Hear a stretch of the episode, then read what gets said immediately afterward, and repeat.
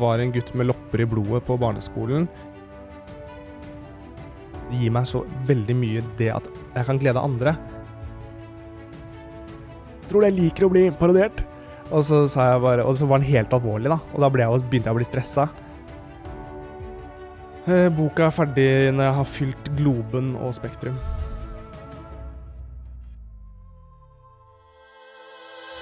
Der det er mennesker, der er det historier. Og de historiene som inspirerer oss, er der hvor sorg blir til håp, tvil blir til mot, frykt blir til overbevisning, og drømmer blir til virkelighet. Podkasten All In er der hvor våre historier møtes og nye skapes. Og All In, det handler om deg. Mitt navn det er Sigurd Gramark, og min jobb det er å få deg til å gå all in. I All In i dag så har vi besøk av en kar som jeg har gleda meg veldig til å møte. Og jeg har fått bekrefta allerede, før dere får treffe han i, uh, i denne sendinga, at dette er en fyr som vi har masse å lære av. Han er mannen med de tusen ansikter. Han er mannen som jeg tror er blant de som jobber hardest. Og han er mannen vi skal bli bedre kjent med gjennom den neste timen nå. Herman Flesvig, velkommen til All In. Tusen hjertelig takk. Veldig hyggelig å være her. Det er veldig stas. Jeg uh, har vi, jeg sa det jo før vi gikk på her, at vi må passe på at ikke man bruker opp alt i, uh, i uh, møtet før de kommer inn. Men det er spennende å se at sånn jeg har forstått, så jeg liker at folk blir kjent med litt hvor vi kommer fra. Starta dette her på Sigrud? Ja, det gjorde jo egentlig det. Eller det startet jo med Jeg gikk jo på Sigrud skole. Eh, var en gutt med lopper i blodet på barneskolen. Eh, og med en gang det var fellestimer eller noe sånn hvor man kunne eksponere seg og være morsom, så var jeg veldig rask med å rekke opp hånda. Um, så jeg har gjort mye på Sigrua. Det har jo på en måte starta der. Og så begynte jeg på idrettslinja på Frogn. Og så har jeg jobbet litt i barnehage, og sånn, men jeg har på en måte alltid hatt humoren som har ligget under. Og så var det jo Westerdals, da, og så begynte jo ledelsen. Så, men jeg har alltid hatt en drøm om det. Ja, og helt tilbake til Vi skal ikke gå så fort fram. Jeg liker litt den Mm, der kosingen vi skal sitte her en time. Ja, Nei, fordi den der klassens klovn, da. Og Mm. du har jo øh, både sagt før i dag og andre steder at du har ADHD. Mm. Eh, og jeg liker å tro at Mm. livet skjer for oss eller mot oss. Ja. Eller livet skjer for oss og ikke mot oss. Mm. Og jeg har en datter med ADHD og har blitt eksponert for alle mulige ting i forhold til ADHD. Mm. ADHD er, du, er du glad for at du har det? Jeg er veldig glad for det. Både ja og nei. Um, mest positivt. Uh, for jeg mener at ADHD er ingen sykdom, det er en gave. Uh, og det er jo Det høres ut som litt sånn fancy cover på en bok, men det er, men det er virkelig det. Altså, fordi jeg, jeg tror vi med ADHD har Ting går fortere i hodene våre, uh, men vi er ikke helt utviklet ennå. Så jeg er sikker på at om et par hundre år så kommer alle til å ha ADHD. Men vi er de som på en måte er utviklet tidligere enn de andre. Hvis du setter en kjempestor 1000 hester motor på en robåt, så vil den nå plane, men etter hvert som båtene blir større, så vil den til slutt gå ordentlig fort. da. Så vi er på en måte litt sånn testkaninene for dette her, men eh, hvis du på en måte har system på det og vet hvordan det funker og er klar over det, så er det jo bare gull. For jeg våkner om morgenen med energi. eh, og er alltid positiv, og er liksom alltid på ballen. Eh, ulempen med det er at man, eh, jeg sånn som jeg da, som er veldig følsom, det er en veldig sånn berg-og-dal-bane. Jeg kan bli veldig lei, Ingen som blir så lei seg som meg, og det er ingen som blir så glad som meg. Og det kan liksom skifte i løpet av en dag. Um, men eh, ettersom man blir eldre, så blir jo ting mer stabilt. og sånne ting Men jeg tror absolutt at det er en fordel. Det er jo Fantastisk bilde på det, det med den poengspontoren. Mm. Eh, hvis du skulle gitt noen råd, da La oss begynne der. Jeg, synes, fordi jeg brenner jo veldig for dette. her da Jeg, jeg Mm. lever med det og gjør, prøver å og, eh, og ser jo nå, når eh, Sara, min datter, nærmer seg 18, hvordan hun også lærer seg å mestre dette her, og hvor dårlig både jeg syns omgivelsene hennes rent profesjonelt sett i forhold til eh, helsesektoren, og jeg som far og sånn, eh, har vært råd, til å rådgi, for det er så nytt, da. Mm. Og, og det er så mye sånn eh, Enten skal du ta medisiner, eller så er det sånn. Men vi skulle gitt noen råd da til de som vokser opp med det. Altså, jeg ble jo utredet veldig seint. Eh, Jeg ble utredet da jeg var 18 år. eh, Fordi jeg har alltid drevet med idrett. alltid vært Og så hadde jeg en lærer på barneskolen som var veldig veldig snill med meg. Altså Hadde det ikke vært for henne, så hadde ikke jeg kunnet lese eller skrive i dag. Det er jeg helt sikker på. Eh, Hun Hva satt- het henne? Jorid heter hun. Bra, Jorid. Eh, og hun satt igjen en time med meg etter skolen hver dag og lærte meg å skrive og lese. Eh, så hun er bare sånn magiker av en dame. Hun er vel sikkert 70-80 år nå. Så hun skal ha all ære for det, og så ble jeg utredet på videregående. Og det var jo sånn etter hvert fra ungdomsskole og videregående så føler man seg dårlig. Du føler deg dum. Du føler at du får det ikke til. Du skjønner ikke hvordan de andre i klassen får riktig på prøvene hele tida, mens du bruker så mye tid. Og, altså, jeg kunne sitte og lese en tekst om og om igjen, men jeg fikk det ikke til å sitte, for det interesserte meg ikke.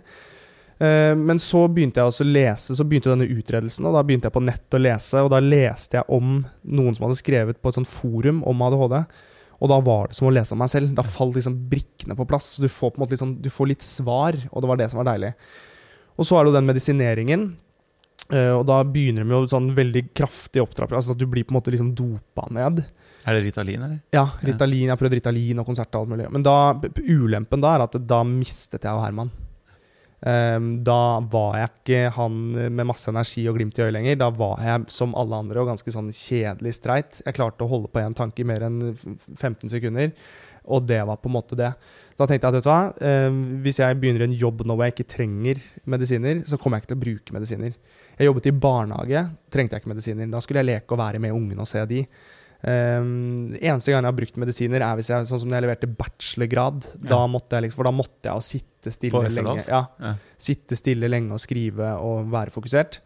Uh, men sånn som i den jobben jeg har nå, hvor jeg, driver med humor uh, og sånn, så bruker jeg ikke medisiner. Og jeg har lært meg til å funke veldig godt uten medisiner òg. Fantastisk. Mm. Veldig bra. Og i forhold til når du var barn og klassens klovn og aktiv. Jeg leste også at når du jobbet i denne barnehagen, så var det, det var en bra gruppe å teste materialet på. Veldig. Det var, ja, det var helt fantastisk. Jeg er jo veldig sånn som liker det sosiale på en arbeidsplass. Jeg mener at det sosiale på en arbeidsplass er vel så viktig for, enn den jobben man faktisk utgjør. Um, er det ikke et godt arbeidsmiljø, og man, er det ikke høyde under taket, og man kan snakke om ting og si hva man mener, og sånn, så er det ikke en arbeidsplass. Uh, så det lærte jeg veldig da, av denne barnehagen. At ok, nå har de satt en standard på hvordan en arbeidsplass skal være. Og nå kommer ikke jeg til å jobbe noen andre steder hvor det ikke er sånn som dette. Så begynte jeg med NRK. Der er det jo samme, det er jo også fantastisk godt arbeidsmiljø um, med de menneskene jeg omgås. Så nei, det er veldig veldig viktig. Og der kjørte jeg jo standup når vi satt og hadde lunsj. Så kjørte jo jeg historier, og de holdt jo på å lese her. Så det var jo veldig sånn, De sa at Herman, du må jo på TV. Og det er jo en drøm jeg har hatt liksom hele livet. Jeg har alltid tenkt at liksom, åh, det har jeg så lyst til, men jeg har aldri turt å si det. Eh, for det er litt sånn hårete å si, og så er det liksom veldig sånn nedtur hvis det ikke blir noe av. Men så har jeg liksom men så, men så, har på en måte ting gått veldig min vei. Jeg har vært eh, veldig heldig, vært veldig flink. Um, men også så har det jo litt med tilfeldigheter å gjøre. At jeg traff spikeren på huet med det FaceWap-greiene på Instagram, f.eks. Um, så det har nok ikke bare om at jeg, er liksom så, at jeg er så flink. Det handler også om at jeg traff i riktig tid. Ting, ting liksom gikk riktig, da. Um, så det er litt sånn Ja. Ja, og jeg har uh, hatt uh, et par andre gjester før som jeg har arrestert på det du sier der. Uh, og det er i positiv forstand. Mm. Fordi jeg mener jo at det, det, er noe som heter flaks, og det er noe som heter tilfeldigheter. Men så er det jo noen som evner å la tilfeldighetene og flaks finne en selv litt oftere. Og plutselig så liksom på en måte styrer man sin egen timing, da. Fordi mm. du har jo de tilfeldighetene hadde jo aldri funnet deg hvis ikke du hadde jobba målbevisst helt siden ung alder for å bli god. Sånn at det filteret på Instagram, da, eller mm. det å kunne legge på de masse maskene, det har null nytte for meg. Altså, ja. det kunne, Så mye tilfeldigheter finnes ikke at jeg hadde fått en svær følgerskare og hadde blitt veldig morsom at jeg hadde satt på meg maska til, til, en annen person.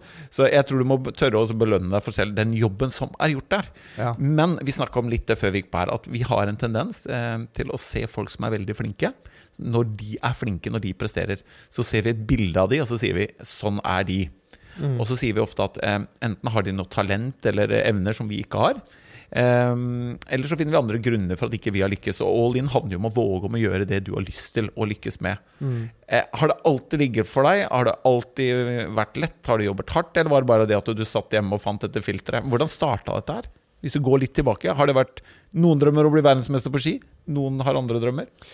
Altså, jeg, en, eh, jeg har alltid hatt en drøm. Uh, når jeg var eh, um, eller elleve år gammel, så Faren min har drevet med salg i alle år. Veldig, han er et råskinn. Akkurat samme typen som meg. Sikkert ADHD, han også. Alltid liksom stå på. Ikke, og har lært meg det liksom Du kødder faen ikke med en Flesvig. Og det har vi tulla med. eh, men så var jo ikke jeg noe spesielt god på skolen. Det var mye sånne ting. Jeg visste ikke hva jeg ville bli. Eh, men så satte jeg meg et sånt mål, for jeg startet med litt sånn Jeg startet med en sånn å, å lage vafler og selge vafler. Da jeg var yngre. Og da yes, så jo fatter'n at sønnen min er gründer. For da holdt jeg på og liksom lagde dette her og fikk ansatt folk som tolvåring og sånn. Så jeg hadde? Jeg hadde to stykker som jobba under meg som tolvåring. Så da tenkte jo fatter'n at å, dette her er helt uh, fantastisk. Um, men så er jeg jo ikke like rå som han uh, når det kommer til sånn, å konfrontere folk. Eh, eller eh, sånn pengemessig så var jeg liksom ikke så rå. Det var nok litt sånn fordi at jeg visste at han også syntes dette var stas. Ja. Men så mm, har jeg Men så bestemte jeg meg da når jeg var 11, så sa jeg til pappa at eh, jeg kan skrive under her nå på at jeg kommer til å tjene min første million før jeg har fylt 30. Nå er jeg 26, eh, og jeg har eh, et par år igjen.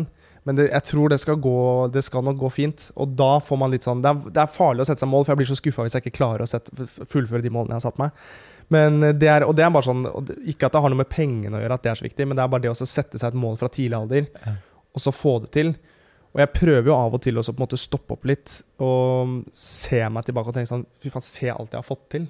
Se alt jeg klarer. De gangene jeg føler meg dårlig, og det er veldig ofte.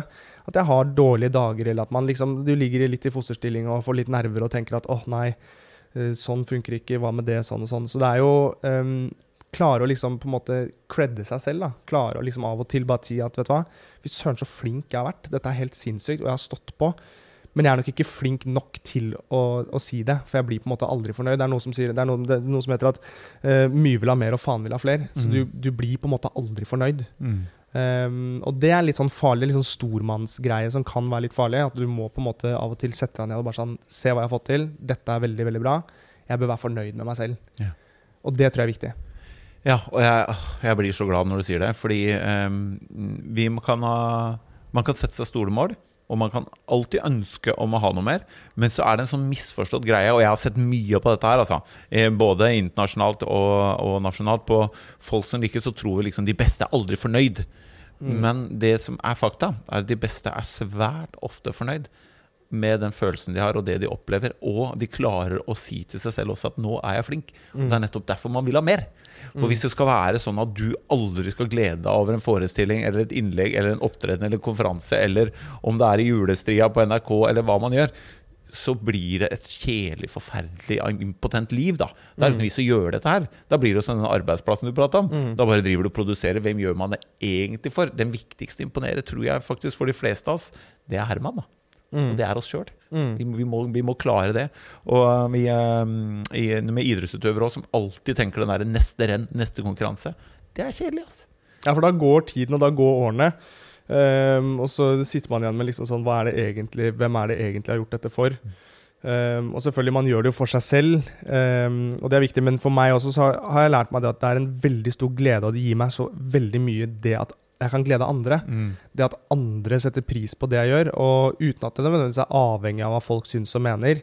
Eh, Jeg er det også. eh, Veldig opptatt av hva folk syns og mener om meg. Men, eh, men det at man liksom bare den å vite sånn, Av og til så får jeg sånne kjempehyggelige meldinger med folk som har gått gjennom, altså, og som har hatt kreft. og Tusen takk for at du hver dag liksom har fått meg til å smile, og, og, og da bare knekker jeg sammen. For Ja. da tenker jeg, Det er derfor jeg gjør dette her.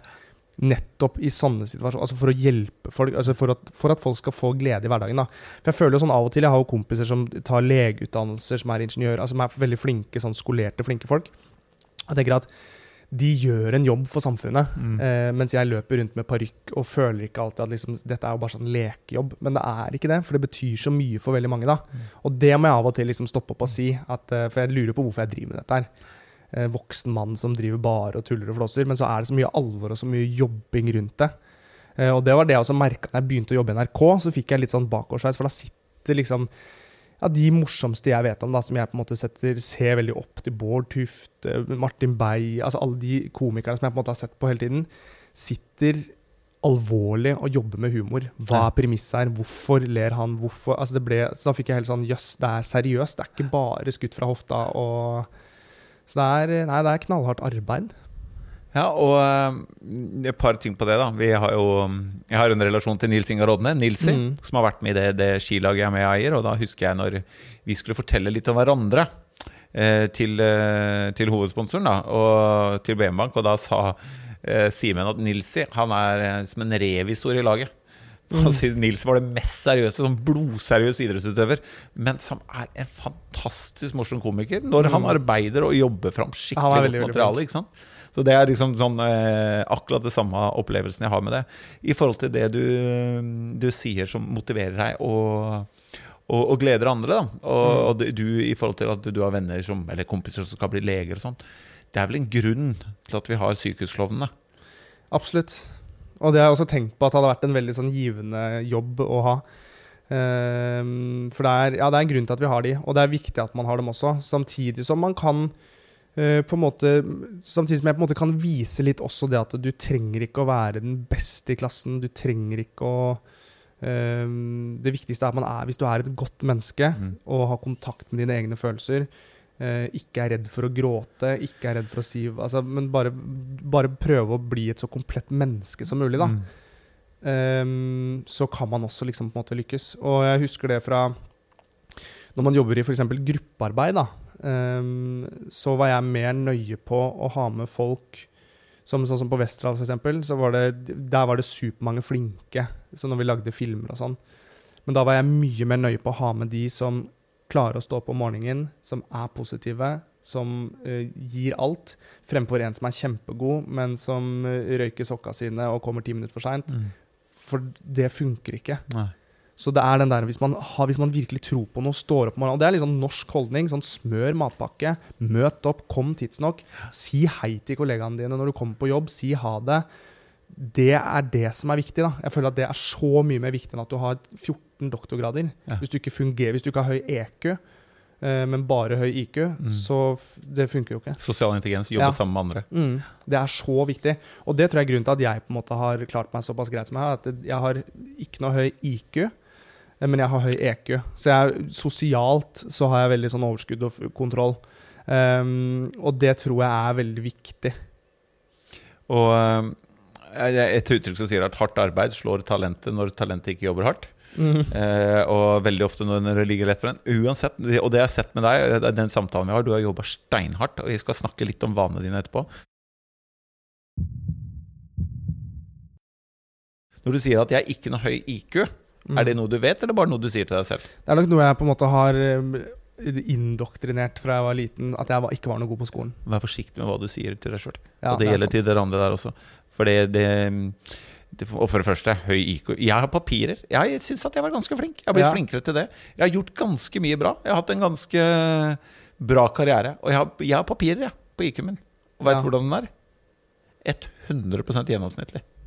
Ja, ikke sant? Jeg har papirer på at jeg er helt gjennomsnittlig intelligent, og det går veldig fint. Ass. For jeg har møtt så mye smarte folk jeg, som jeg syns er kjempeflinke. Og så har jeg møtt masse smarte folk som jeg tenker Hvorfor bruker du ikke det at du er så smart i noe som helst? Ja, ikke sant? Så, og hver for, hver, er Herman og dere andre sånne etablerte sannheter som vi sier til oss selv. Hjernen vet veldig veldig lite forskjell på om det er sant eller ikke. Men hvis du sier til deg sjøl, da begynner du å tro på det. Men høy IQ er ikke en forutsetning for noen ting. Men det er veldig gøy, da. Ja, det er veldig sikkert veldig morsomt. Men det som er morsomt, da, som jeg husker at jeg så på pappa, og så sa jeg liksom sånn Jeg syns det er så tragisk, da.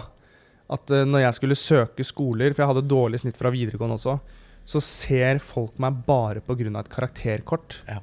De aner ikke hvem jeg er, de aner ikke om jeg er ålreit eller snill eller morsom. Altså, de vet ingenting. Det er kun det karakterkortet. Så jeg sa vet du hva, jeg gleder meg så fælt til jeg er ferdig med å studere. Når folk ikke lenger ser på det, men kan se på arbeidserfaring, kan se på eh, CV-en, hvordan jeg er, møte meg på intervjuer, sånne ting. Fordi det å bare bli bedømt ut ifra Og det er jo ikke rart at da føler man seg ræva. ikke sant? Hvis du har dårlige karakterer, så er det det du har å slå i bordet med. Eh, og det forklarer jo ingenting om hvem du er.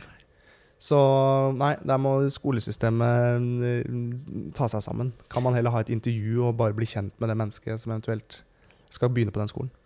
Ja, og um, du nevnte jo Petter Stordalen i stad, Mm. når vi snakket sammen før vi gikk på her. Og han gjør jo sånne den type intervjuer i masse folk. Har svære masser som han møter for å møte mennesker. Vi hadde Stein Rømmerud her, Coca-Cola-sjefen, som sa at det hjelper ikke meg noe som helst hvor mange mastergrader og sånn du har, Mm. hvis ikke du kan jobbe med folk. Vi, Mm. De var ute etter folk som skaper energi, og som vil jobbe med mennesker. Og det jeg har et begrep på noe som heter tilgangskompetanse. Mm. Og det er den viktigste kompetansen du har. Det er den kompetansen som gjør at du får tilgang til utdannelsen din. Mm. Og det er det du prater om. Altså Det er det som gjør at du er god med andre mennesker. Det er det at du er god til å behandle kunder. Det er det at du er god til å jobbe med kollegaer. Det er det at du er med og bidrar til å gjøre en god arbeidsplass. Jeg blir så glad når jeg ser flinke folk. Jeg blir så inspirert av å se flinke folk. Og det samme, jeg er veldig avhengig av musikk. Mm. Jeg hører masse på musikk. Eh, musikk styrer på en måte mye av dagen min. jeg kan, Hvis jeg er sliten, så kan jeg bare ligge og høre på Hans Zimmer og bare liksom tenke på Som en meditasjon, omtrent. Ja. Og så hvis jeg kjenner at åh, nå må jeg opp i et møte, men jeg er litt sliten, få på noe 90-tall-trans og bare kom opp i ringa, sånn at du er klar. Um, og når jeg hører på musikk da, så er det på en måte Det er jo Hvis jeg ikke skulle drevet med det jeg gjorde nå, så kunne jeg tenkt meg å drevet med musikk. Produsert musikk. Jobbet med liksom kunstnere som driver med musikk. For det er, så, det er et språk, på en måte, da, som jeg syns er helt sånn fantastisk. Når du sier at kunstnere driver med musikk, Mm. ser du Klarer du å se at det humoren og det, det du driver med, er det kunst? Ja, det er det.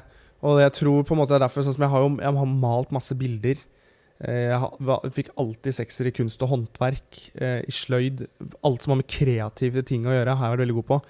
Eh, Og det tror jeg er litt sånn grunnen til at humor er på en måte ha Altså kreativitet generelt, da. Du er avhengig av å være kreativ for å kunne drive med humor.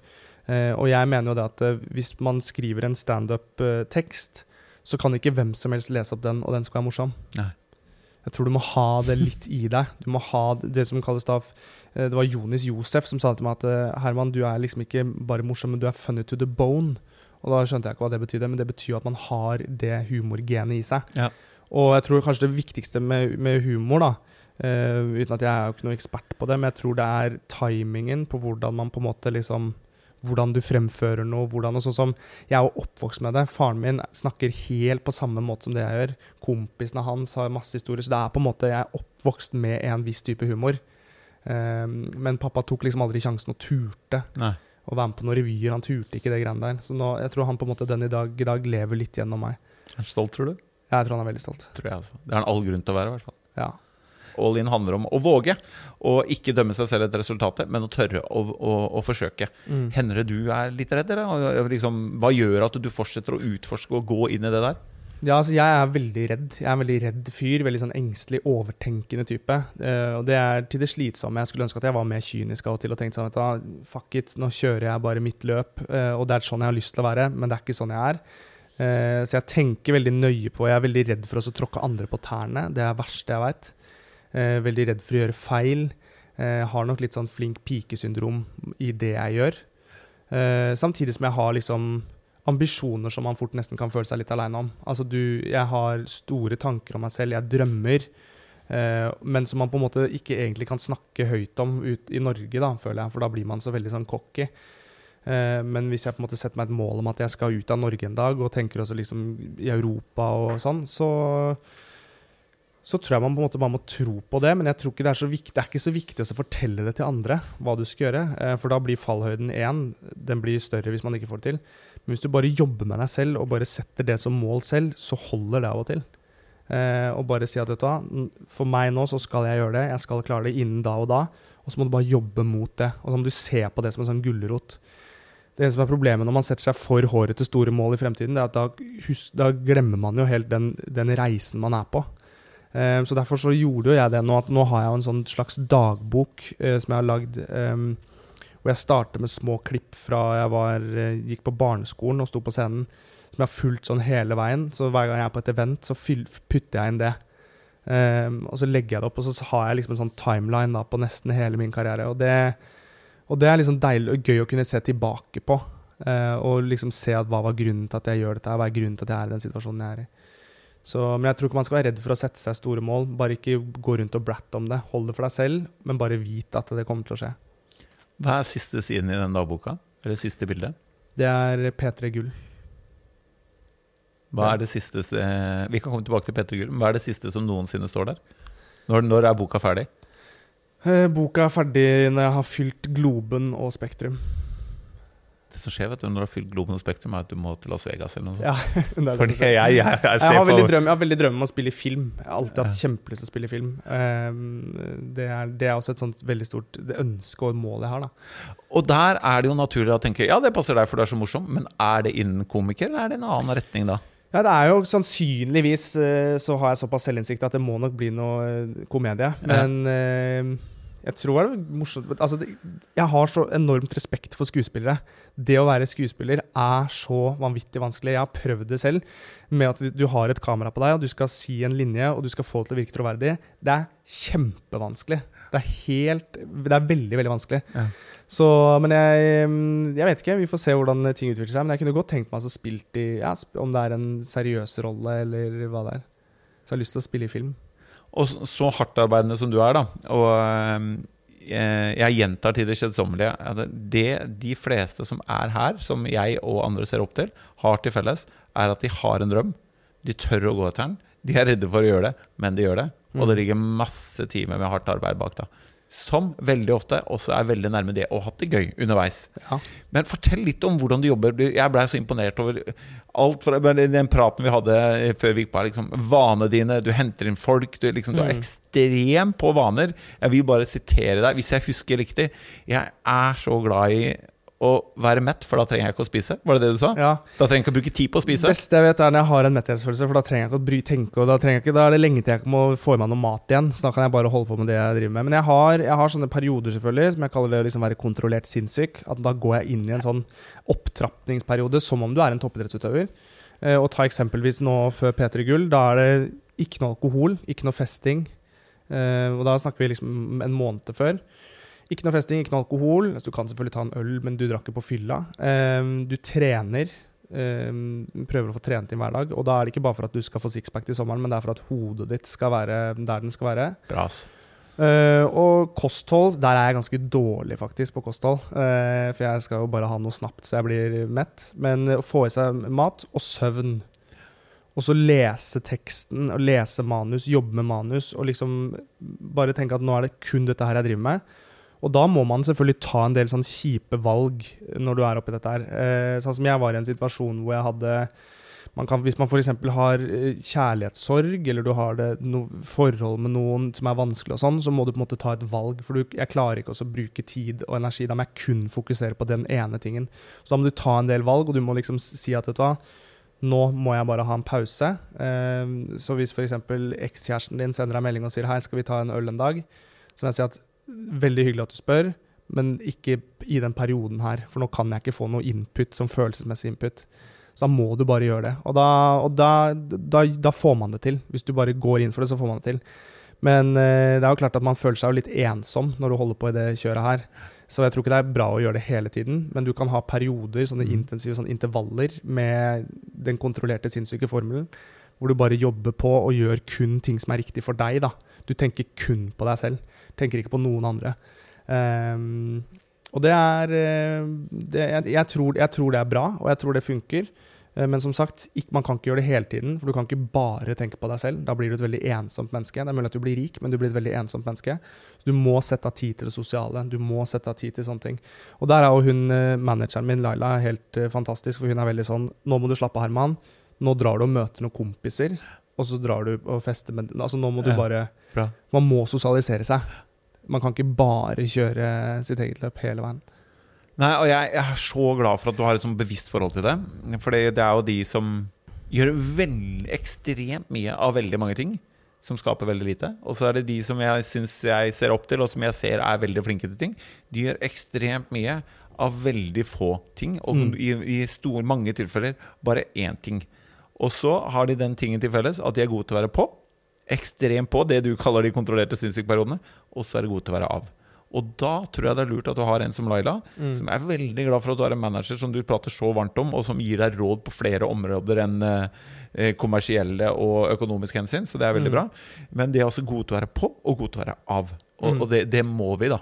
Eh, For, for å lykkes over tid. Så eh, det ligger så ofte i, i vanene, da.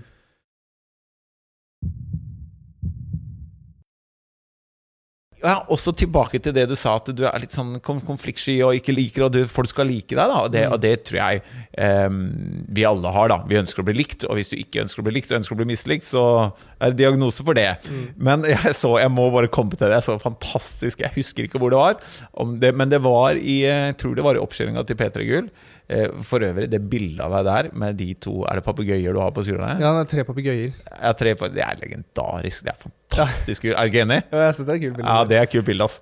Men hvor er, er det Daniel han heter? Han fra Ja. Ex on the Beach? Ja. Det var gøy, eller? Ja, det var, nei, jeg syns det var helt forferdelig. Fordi når du Det også ja, Situasjonen var at han kom og konfronterte meg. Og jeg ante jo ikke at dette var skjult kamera. Og jeg ser jo bare hvor hvor, Jeg får det bare liksom bevist nok en gang da, hvor opptatt jeg var av folk mener om meg. For jeg la meg jo ned som en hund og begynte å logre med halen med en gang. Bare noen hever stemmen. Så jeg, må, jeg tror jeg må bli litt tøffere. Og så ble jeg litt sånn, så tenkte jeg bare sånn, det er en Ex on the Beach-deltaker som satte meg ut. på en måte. Eh, og jeg blir, for, fikk ordentlig adrenalinpump av det, like mye som når jeg hopper fallskjerm. Så fikk jeg helt samme følelsen. Eh, og det er, det er litt rart, men jeg må nok bli flinkere på det. Jeg må, bli, jeg må, jeg må tørre. Fordi man, man kan ikke være tenker jeg på sånn, Det er jo ingen som har lyst til å være sammen med en som ikke tør å liksom eh, stå Altså Jeg tør å stå opp for ting. Men jeg synes det er veldig mye lettere å stå opp for andre Ja. enn å stå opp for meg sant? selv. Eh, så jeg har ikke noe problem med å heve stemmen og si at du, sånn kan du ikke oppføre deg. Det der går ikke. Det har jeg ikke noe problem med. Men når jeg blir konfrontert, og hvis jeg har såret noen i tillegg, så det har jeg veldig problem med. Jeg er veldig redd for å såre andre. Veldig sånn eh, samvittighetsmenneske. Um, så jeg kan sende melding til kompiser etterpå og si sånn Du, sorry hvis jeg kødda med det. Altså, jeg er veldig Det er liksom viktig, da. Ja. Så jeg er ydmyk til det slitsomme til tider. Ja, men så lenge det er Jeg tror det er så lenge det er i forhold til hvem du vil være, og hvordan du er som person, og det er et, et, et sånt ståsted, så tror jeg det er De fleste setter bare, setter bare pris på det. Ja. Men hvis det går utover deg som person, og du får det dårlig av det, så er det jo sikkert klokt å jobbe med det. Ja, men så er det, litt sånn, det er litt morsomt, fordi jeg har på en måte Det er sånn som jeg er. Eh, Det er han ydmyke, redde, veldig høflige eh, personen. Men jeg ser jo når jeg gjør konferansierjobber, så er akkurat at jeg tar på meg en rolle da jeg er kjempecocky. Eh, Jeg kan stå der oppe i dress og dette hvite håret bakover og si at eh, folkens, jeg tjener mer enn alle her. Og har en humordel på det, da.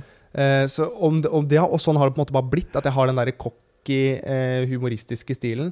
Om det kanskje er egentlig en person jeg skulle ønske jeg var litt. Så Derfor kan jeg gå inn i den rollen. Jeg vet ikke. Kanskje. Ja, og i forhold til det han Daniel, da når du ble konfrontert Han var jo flink også. Det så ikke ut som han bløffa noe.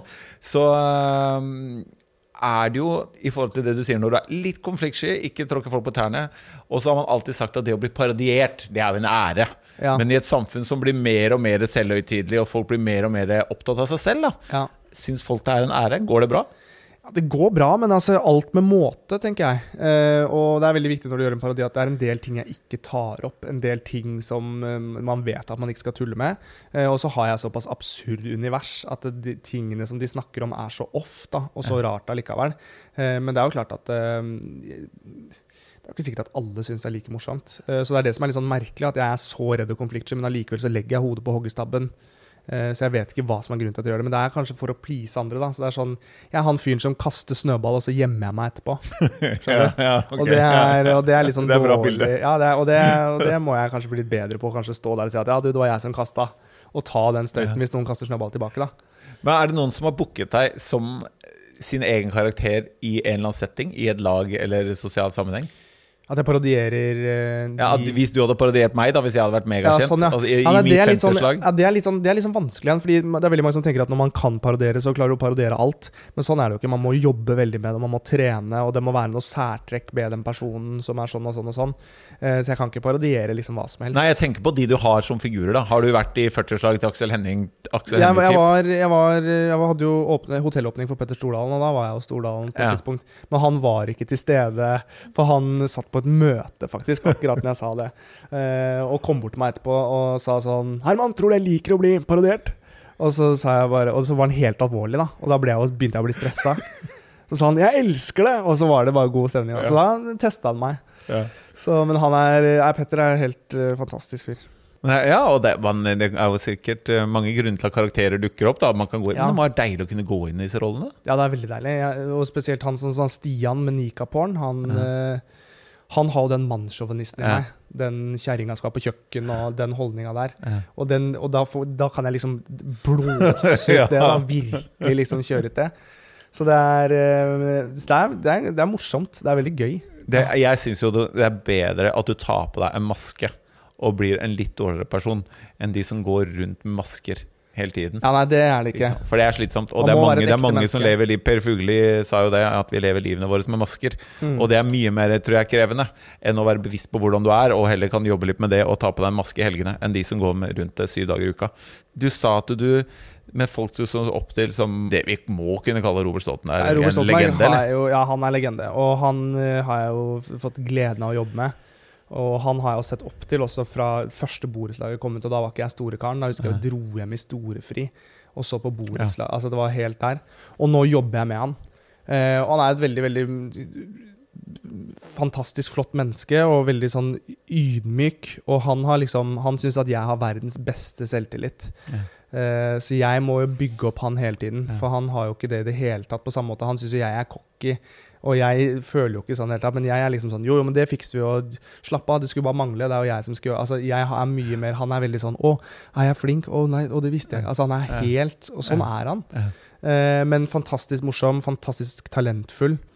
Eh, og er liksom en av de største karakterskuespillerne vi har i Norge. Eh, Kevin Vågenes også er helt eh, nydelig. Helt nydelig. Jeg er helt, Helt enig. Jeg setter dere to Skal du Ja. vite, jeg setter dere to øverst nå. Ja, så hyggelig. Nei, han er, eh, men uansett, altså Robert er jo dødsflink, og det er veldig gøy å jobbe med. Og det er jo et gullkanta prosjekt å få muligheten til å jobbe med Robert Stoltenberg. Jeg startet fra skolebenken på Westerdals. Opptaksfilmen min var at jeg For jeg hadde jo ikke noen karakterer, så jeg måtte lage opptaksfilm. At jeg filmet close-up, at jeg spiste en buse. Uh, og så kom jeg inn på den skolen her, som er en kreativ skole. Kreative skoler er jo alt lov, ikke sant. Eh, og så det å begynne å jobbe med Robert Stoltenberg og så gjøre ting med han. Og, og jeg hjelper han med sosiale medier. Jeg har fått han inn på Instagram. Jeg har sagt hva han skal gjøre, når han skal legge ut ting, lagt strategi for han der. Eh, og han har hjulpet meg med dette. Og så treffer vi på en måte Jeg har på en måte de unge, og så treffer han Han har en fantastisk stor målgruppe. Og sammen så funker det veldig fint. Men nå eh, blir det jo spennende fremover, for nå har vi gjort julestria, så kommer vi sikkert til å gjøre en del sånn småtteri sammen, men nå skal vi jo begynne å gå litt Nå skal jeg lage mitt eget. Mm. Uh, og det kjenner jeg på. Ja. Det er skummelt. Ja. Um, så litt sånn søvnløse netter på det av og til, men eh, jeg tror det kommer til å gå fint. Det blir veldig sånn, vi, vi går veldig rolig i gang, så det blir veldig lite i starten. Også, så får vi se hvordan det Ja, funker. eget på NRK. Mm. Egen serietyp. Mm. Men er du da eller, eller To ting først. Eh, Jeg syns jo det er fascinerende med de jeg ser mest opp til, og som jeg er mest spent til å lære av, da, er de som er mest nysgjerrige på det jeg gjør. Er det sånn du opplever litt med Robert Stoltenberg òg, eller? At eh, han er, er er nysgjerrig på hva du gjør, og vil lære av deg også? Eller blir du eleven og han eh, mentor umiddelbart? Jo, han er det. Han er nysgjerrig på meg også. Eh, han rister nok mye på huet over meg også. Ja, Vi er som et gammelt ektepar. ja. Eh, men eh, jeg lærer han litt sånn Jeg lærer av han, og så lærer Vi lærer på en måte litt sånn av hverandre. Eh, og det er veldig sånn lekestadie, sånn som vi kan holde på, hvordan vi kan jobbe og komme på karakterer. Og vi har det veldig gøy sammen. Uh, så nei, det blir spennende. Det, er, eh, det- blir uvant å ikke ha liksom Robert til siden av seg når jeg skal spille karakterer. Ja. Det, er, det er litt skummelt, men jeg tror det er bra for meg og min trening og min læring og min karriere òg. Ja, for han spiller jo moren din i julestria. Mm. Og det er jo, jeg, vi skal gå over til men det blir nesten sånn at du må gi slipp på moren din. da Fordi Mm. det er jo legendarisk den hvor eh, han tar med seg underholdninga hjem, og Ja. Charter-Svein sitter og venter hjemme hos deg når du kommer til moren din. Den er Ja, fin. Er også en helt nydelig fyr. Fysen, Er han ikke det? Ja, han er sånn, som jeg, jeg kjenner ikke Sarpsveien godt, men han er sånn tvers gjennom god fyr. Ler med magen. Er bare den han er, den han er. Og det er så deilig med sånne mennesker. Det er derfor jeg altså, likte så godt å jobbe i barnehage. Fordi barn er de mest ærlige menneskene du får. Det kommer rett fra leveren. Og det, bare, det, er det, det er det du får, på en måte. Det er ikke noe skjulte ting agendaer. De har ikke noe mistanke. Det er ingenting. Og sånn føler jeg Chartsveien nå. Det er liksom Han bare gir gass, han. Ja, vi skulle hatt en dose med Charter-Svein på alle arbeidsplasser. Burde det. Ja, det er de som eh, Ja, altså, han skulle vi tappa på flaske og fått litt av til lunsj, alle sammen. Det er bare rett og slett Og Charter-Svein, vi ringer deg. Vi må ha deg her. Mm. Eh, og hvis vi ser da at eh, Robert Stoltenberg har vært litt sånn eh, i julestria, litt mor, nå skal du stå på egne bein, og du sier at du er litt redd for det, Mm. eh, er det da andre, hva andre mener igjen øh, om det du skal gjøre, eller er det en sånn intern greie du tenker på når du, ting blir skummelt? Hva Altså, det, er kommer da? det er selvfølgelig litt hva andre mener, men allikevel så er det også at jeg har jo veldig sånn eh, Jeg er veldig streng mot meg selv. Mm. Eh, hvis ikke jeg på en måte syns at dette blir morsomt, så blir jeg veldig sånn skuffet over meg selv. Oh, ja. Ehm, så jeg, har sånn, jeg er veldig pertentlig på at liksom det, det skal bli bra. Og så er det overraskende viktig for meg hva de nærmeste syns. Hva Ja. liksom pappa sier, hva Laila sier. Altså de, de, og mamma, altså det er liksom Sånne ting er veldig viktig for meg. Og ikke minst jobben. Jeg husker sånn som jeg gjorde den P3 Gull-jobben som jeg skulle gjøre nå. Hvor det var liksom første gang jeg var programleder på live TV. Jeg hadde mye nerver for det. Så var jeg mest redd for å skuffe prosjektlederen, de har jobbet med i oppkjøringa til dette her. Det er de jeg var redd for å skuffe. Hva Mm. publikum sier, det driter jeg litt i. Ja. Men det er liksom de menneskene som har, som har tatt meg inn, og som har trodd på meg, det er de jeg er redd for å skuffe. Men eh, blir det motivasjonskraft også? Er det noe bra ved det? Ja, altså det er jo, ja, det er jo egentlig det. Det er jo bra at man, man kan jo ikke på en måte Man kan ikke tro at man fikser alt. Men jeg blir alltid, og det er sånn, jeg blir alltid overrasket etter at jeg har gjort et event, for eksempel. Jeg tenker sånn ah, nei, det er ikke sikkert at disse vet hvem jeg er. Det er ikke sikkert at disse syns det er noe morsomt. Og sånn Og så er det ofte kjempegod respons, og, så, og da er jeg kongen på haugen etterpå. Ja. Da er jeg helt sånn Fy søren, det er ingenting jeg ikke får til. Ja. Eh, og så går det en uke igjen, så er det et nytt event, og så er jeg på akkurat på samme nivå. Og det tror jeg er viktig. Eh, at man på en måte skal Man skal være redd, man skal være ydmyk. Eh, du skal trå varsomt, men allikevel så kan du vite av og til at liksom, faen, det er ingen som er råere enn meg på akkurat dette her. Og bare tro på det, da, og bare si det til seg selv mange noen ganger. Helt enig. Det Ja, ja og, og backer det med handling. Mm. Det er jo noen som sier 'jeg skal bli rik', eller 'jeg skal bli det', og jeg skal bli det. Så sier jeg, jeg, det. ja, den atferden din matcher ikke så veldig godt det du går og prater om. Nei, så det du sant. kan si det så ofte du vil og tenke så mye positivt, men det kommer ikke til å skje noen ting i den sofaen Nei. her. Altså. Så, men jeg er jo helt enig. Når du backer det og forteller seg sjøl at den er flink når man er flink, minn meg på å se det jeg gjør her. Liksom. Mm. Dette her er veldig bra. Og så tror jeg at den viktigste å imponere, det er seg selv. Mm. Og så tror jeg det, hvis man møter opp for å gjøre folk bedre, og ikke bare for å imponere, så tror jeg ting blir mindre farlig. Jeg merka den at når jeg drev, en periode eh, eh, med en del sånn imponering Jeg, jeg holder jo mye foredrag og sånn selv Mm. også. Og så var jeg så opptatt av å imponere alle, istedenfor Mm. at jeg skulle lage settinga og stemninga bedre og gjøre folk bedre og sende de ut med noe bra etter de hadde med Mm. eh, om, det er, om det er å gjøre de bedre gjennom sinnsstemning eller hva det er, så merka jeg at det, ja, da handla det ikke så mye om meg. Nei. handla det mer om, om de der ute. Og da slutter man litt mer å bry seg om liksom, hva tenker den, hva tenker den, hva tenker den? For du er bare her for å gi noe bra, da. Ja, for det er det som er liksom problemet. At man blir jo øh, Jeg har jo perioder hvor jeg er drittlei meg selv. Altså Jeg er lei av at alt jeg jobber med, handler om meg. Alt jeg skal gjøre, handler om meg. Folk jeg møter på gata, snakker om meg. Øh, alt handler om meg, da. Og det er deilig å liksom ikke snakke om seg selv hele tiden. Ehm, og, og, det er litt sånn, sånn treningsgreie at jeg er på en måte Kontoret mitt er kroppen min, på en måte. Det, altså, og hodet mitt, det er, det er dette som er greia. Eh, og det kan være litt slitsomt. Av og til tenker jeg sånn, det har vært så deilig å bare hatt en sånn Du drar på jobb, står på et samlebånd, du gjør det, og så drar du hjem. Eh, men du er på en måte litt alltid på jobb. Jeg er alltid på jobb. Når jeg møter folk ute på gata, så er jeg på jobb. Um, og derfor så syns jeg det er deilig å kunne dra hjem da, og så bare slappe helt, helt av. Eh, og når du snakket om det med at man skal like seg selv, og, og at det er viktig, så har jeg faktisk en sånn at jeg kan stå foran speilet og si sånn Fy faen så god du er. Fy faen så rå du er.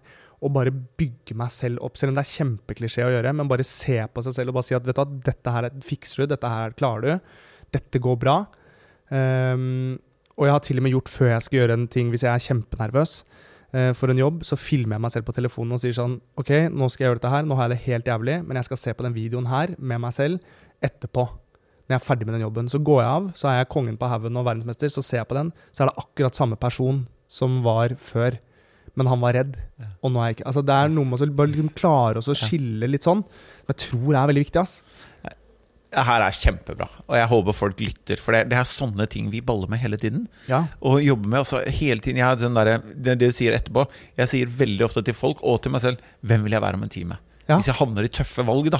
Ja, ja. Ting jeg skal tenke, og hvis det kan være hvis det er eh, 1500 stykker i salen, og du skal på, og, og så Stort sett så er ikke jeg noe spesielt nervøs, og så pang, hvor kom det fra, liksom? Mm. Så eh, i hele tiden, veldig spennende det du sier, liksom. Det her skal jeg se på etterpå. Mm. Eh, og, og eh, den derre følelsesmessige det, det, det Vi må tørre å slippe til det som er der, tror jeg. Og så tror jeg man må ikke legge mer følelser i det enn der. Men liksom, der kom den.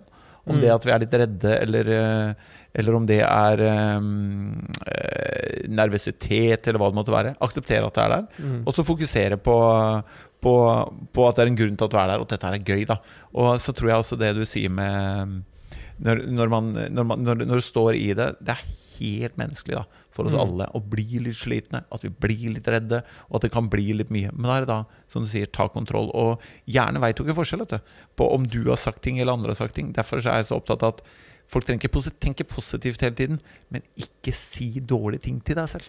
Og det er jeg så glad for at du noen ganger tør å innrømme og si at jeg sier faktisk bra ting til meg selv. Da. Mm. Fordi vi, det er det hjernen husker. Den husker ikke om du sa det eller andre sier. Så positive affirmasjoner, som det heter i fagspråket, det er kjempeviktig. Men uklokt hvis du ikke backer det med noe handling. For Mm. da sier du 'jeg vet egentlig at jeg burde gjort dette her', men det jeg gjør, er noe annet. Og da Mm. kan man få den 'oi, veldig angstfølelsen'. Back dem handling, og si bra ting til deg sjøl. Oi, si bra ting til andre. Jeg liker å skryte. Er du flink til å skryte av folk? Jeg er eller? veldig flink til å skryte av folk. Og s- kan, jeg, veldig, jeg syns det, det er veldig viktig. Og det trenger ikke at det være Man trenger ikke å være nødvendigvis dritgod for noe, men bare sånn takk for, at, takk for en hyggelig samtale. Altså Bare å snakke med noen. Og en annen ting som jeg også er veldig nøye på, som jeg er veldig flink på, eh, det er hvis jeg har en kompis som har f.eks. et eller annet han nevnte i en bisetning at «Nei, det var slutt med da, så sender jeg alltid melding og sier «Du, ring meg hvis det er noe. Det er bra. ass. Og det å bare vite at det er noen andre der, eh, det er så viktig. Og Ja. det ser jeg på de gangene jeg har hatt det ordentlig på trynet selv. Og det å få en melding av en du liksom ikke snakker med så vanlig, vanligvis ofte med, som sier at du, bare si fra hvis det er noe. Eller jeg hørte at du skulle flytte. Hvis det er noe stress, så kan du bo hos meg noen dager hvis du har noe stress. Altså sånne ting Mm. er så viktig, da. Mm. Eh, så man må liksom være snill med hverandre og ta vare på hverandre. Mm. Um, og, og alle mennesker er sårbare. Det er ikke alle som snakker om det. Det er uh, veldig få som på en måte Det er, mange som, det er noen jeg møter som bare Nei, jeg har det sjelden dårlig altså jeg har det bare bra. Men de lever, det er menneskene som aldri løfter hendene over huet heller. Når de blir glad. Ikke sant? De har ikke den. Jeg er kjempeglad og Ja. kjempelei meg, og det er et bipolart liv som faen, og det er kjempeslitsomt Ja. til tider. Men jeg tror det er det som gjør meg, og man må på en måte bare godkjenne at sånn er jeg. Og det er ikke alle som er sånn. Nei. Noen er helt sånn steady, og jeg har med, snakket med venninner som sier at jeg har lyst på en kjæreste som er litt sånn bamsefyr, som er steady syke, som er bare helt sånn plain. Ja, men da vil man ha det. Ellers vil man ha karusellen som er opp og ned, og det er action og liv. Um, men jeg tror det jeg alltid tenker på de gangene jeg har det dårlig, det er at det, det blir bedre. Det blir alltid bedre. Det er ikke mulig på noe som helst måte at jeg kan ha det så ræva som jeg har det nå, over veldig lang tid. For det må snu. Så det er nesten sånn at når jeg har det bra, så venter jeg på nedturen. Ja. Eller når jeg er nede, så venter jeg på oppturen. Så det er, eh, det er, eh, det er en kunst å leve, og det er en kunst å få liksom eh, Å ha det bra med seg selv. Men det viktigste det er at man har det bra med seg selv. Hvis, du, hvis jeg ikke har det bra med meg selv, så klarer du ingenting. Da klarer du ikke å prestere på noe. Da er, du ikke, da er det vanskelig. Så det viktigste er, og da driter jeg i penger og absolutt Men det viktigste er å ha det bra med seg selv. Og da kan du bo i en Moelven-brakke og vedfyring, men hvis du har det bra med deg selv og kan eh, le av din egen fis når du sitter helt aleine, så er det det viktigste. Du er så bra, ass. Det her er så bra. Det, er, det her er så mye mer enn det jeg trodde vi kunne få ut av deg, og det, de refleksjonene du gjør. Jeg syns det er skikkelig imponerende. Og Det det du også sier at vi eh, Jeg syns at vi kan forvente å lykkes eh, i livet, forvente at ting skal gå bra, men det, jeg tror at i den forventningen om at livet skal være så perfekt, så tror jeg det ligger så mye skuffelser, da. Mm. Fordi det, det, det går litt ræva noen ganger. Det er Mm. liksom Jeg husker eh, var det 2017 en gang eh, vi sendte opp nyttårsraketten og sa både kona og jeg at dette året har vært røft, liksom. Vi håper neste blir bedre. Men vi er ikke helt sikre, liksom. Vi hadde det jo bra sammen, sånn, men livet bøy, bøy på utfordringer, og det kommer det til å gjøre igjen. Mm. Men vi må ha det bra. Vi må hele tiden jakte og ha det bra, og det her er Og prøve å ikke sammenligne seg med andre. Det har jeg også lært veldig. Prøve å ikke sammenligne seg med at eh, 'Å, se så lykkelige de er'. eh, 'Å, se så bra de er'. For det er en bakside med absolutt alt. Og det er eh, Det var en som sa at 'A healthy relationship has no sign of it on Facebook'. Så selv om du legger Mm. ut bilde med dama di, og vi er så lykkelige når vi er på Granca-tur, så betyr ikke det at de har det bra. Så man må aldri liksom hige etter å være som den andre. Tenk at nå skal jeg kun fokusere Vær litt ego. Tenk at nå skal jeg kun fokusere på meg selv. Nå skal jeg ha det bra. Hva skal til for at jeg har det bra? Å ha alternative tanker. Ha, legge små grønne, eh, sånne gulrøtter eh, i hverdagen og vite at å, nå er det mandag, jeg er ikke så veldig glad i dagene, men jeg skal treffe en kompis i kveld og spille Fifa, og så skal vi ha pizza, og da er det det du ser frem mot. Legg sånne små hele tiden, sånn at du ikke graver deg ned i en sånn negativ spiral. Da. Det er utrolig mye man kan legge merke til vet, hvis du begynner å se etter det som er bra. Ja, Og, eh, vi hadde Bjørg Thoralsdottir her. Fantastisk dame. Mm. Eh, og vi prata om det sammenligningsviruset. Mm. Og, det, og da sier jeg at eh, og Vi sammenligner oss jo alltid med de som vi ser et bilde av. Hvis du skulle sammenligne deg med en annen komiker, så finner du den komikeren som er aller best til den tingen. Så, og da gjerne den tingen du er dårlig med. Og da sa Bjørg Nei, hun hadde et tips. Hun fant alltid folk som hun var flinkere enn, og så sammen, sammenlignet hun seg med de. Ja, det er så lurt. skal du først gjøre det, så gjør det i hvert fall med de du eh, kan slå på noe, da. Ja. Eh, tida går altfor fort, men eh, jeg har eh, et Takk for alt du har delt så langt, Herman. Dette Bare er hyggelig. kjempebra. Altså. Jeg uh, har uh, noen faste spørsmål som heter det all ins. Mm. Eh, og, men før vi går dit Du når jo ut til halve Norge snart. Hvor finner folk deg? De finner meg på Instagram under Herman Flesvig. Og så er jeg jo på nettspilleren i NRK. Ja. Det er vel egentlig der folk finner meg. Og så på Snapchat så heter jeg Hurra Skotup1. Uh, så jeg har veldig mye følgere der også, faktisk, på Snapchat. På Hurra Skotupen. Hurra Skotup, og så ett tall på slutten. Hvordan kom det navnet?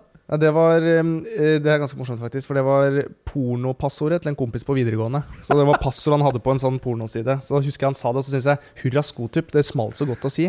Hurra skotup. Så man tenker liksom hvis du treffer en hurra skotup-dame, så er det liksom en rå dame, da. Så hurra skotup ble bare en sånn greie.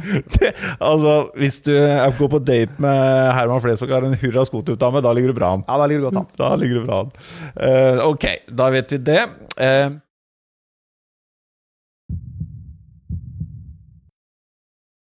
og første spørsmål der er hva drømmer Herman om? Um, jeg drømmer om å få en familie, uh, ha det bra med meg selv og kunne leve av det jeg syns er gøy å drive med.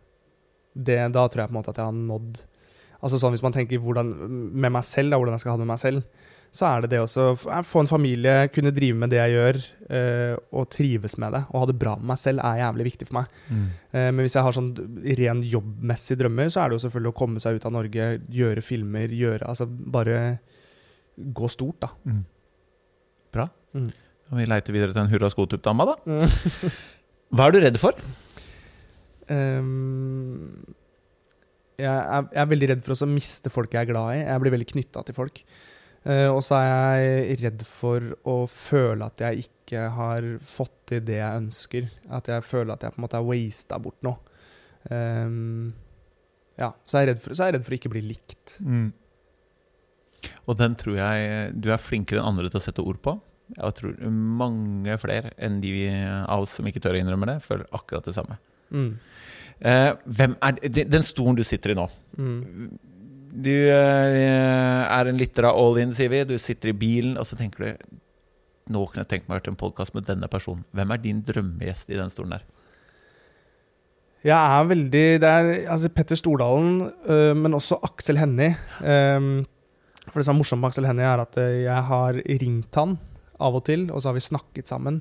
Jeg ringte han da jeg var kjempenervøs for uh, P3 Gull. Så sa jeg bare sånn Du, nå har jeg jævlig nerver. Hva skal jeg gjøre? Og da kommer han med tips og råd og sånn. Han er en veldig sånn interessant person, og vi er nok ganske like på mange områder. Um, han er også en følsom type, akkurat sånn som meg. og sånn Uh, Så jeg kunne godt tenkt meg å fått et sånn dybdeintervju med han hvor han ikke nødvendigvis skal snakke om en film han har gjort, men bare snakke om hvem han er. For han er en bra fyr. Så bare liksom snakke om det. Kjempekult. Jeg, har jo forhold til han helt tilbake til Uno og Mm. liksom Oslo og gata og sånn. Ja, ja. Så jeg eh, skal gjøre det jeg kan for at vi skal få Aksel Henne hit. Og Petter Stordalen-navnet har dukka opp før, så mm. work in progress på begge to. Og eh, Aksel Hennie, jeg ringer deg. Ta telefonen. Hvis du må droppe alt du gjør i dag, bortsett fra én ting Altså Vi har snakket om dette her med at du er god til å fokusere. Dette å være på Hvis du må droppe alt du gjør i dag, bortsett fra én ting som du må gå all in med, hva er det?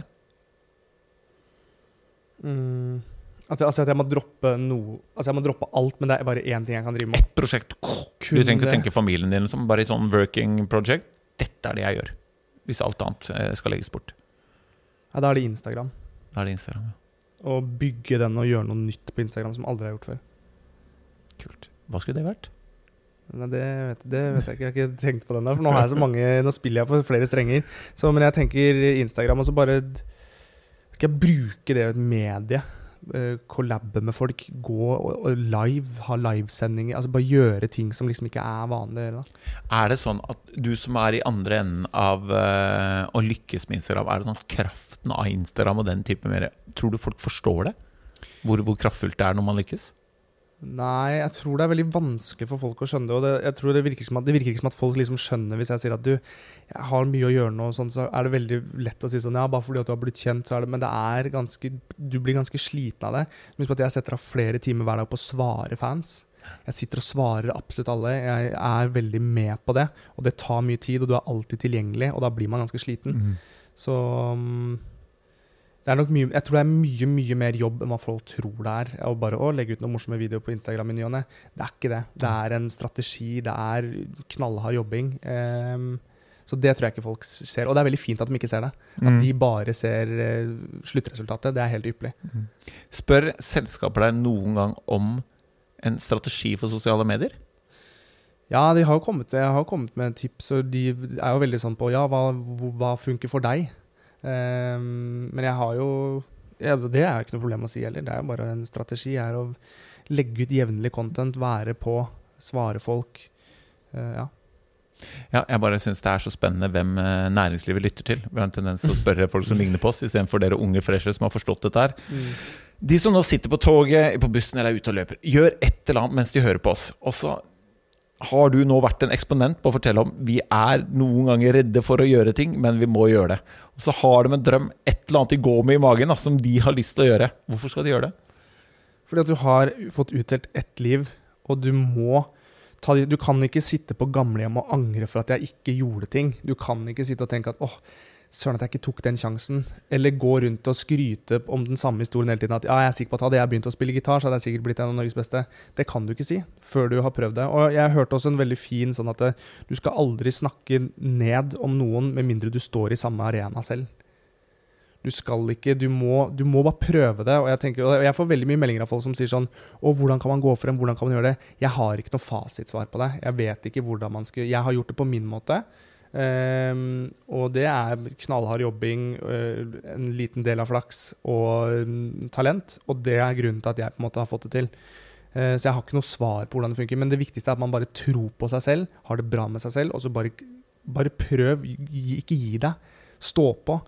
Snakk med folk. Dra på den festen for at det er nettverk. Altså Snakk med mennesker. Det er alltid noen som kjenner noen som kjenner noen. Men da er det veldig viktig at man er et ålreit menneske. For det hjelper ikke å komme på en sånn nettverkningsfest hvis du ikke er et hyggelig menneske å være sammen med. Fantastisk. Gode råd. Spol tilbake, hør igjen. Hvis du kunne valgt én person i verden som du kan bestemme at skal gå all in på noe du bestemmer hva er Hvilken som helst person, person som er i live, som du kan bestemme hva er, hva skal den personen gå all in med, og hvorfor? Åh, det er vanskelig. Um, det kan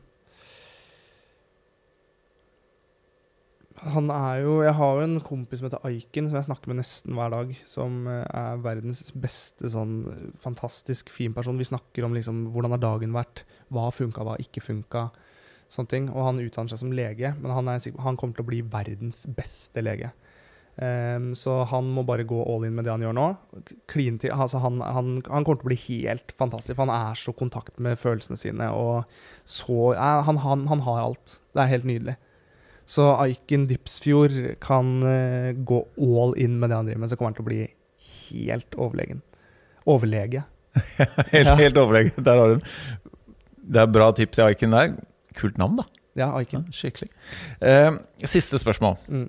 Hva er din definisjon på å gå all in?